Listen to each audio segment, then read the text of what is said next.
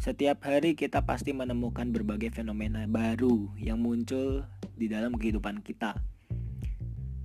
Dan tentu saja cara masyarakat menanggapinya tuh berbeda-beda.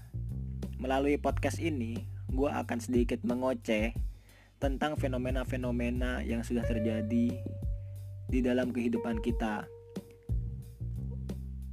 Bersama gua Fikri, mari kita sama-sama mendengarkan podcast ngoceh.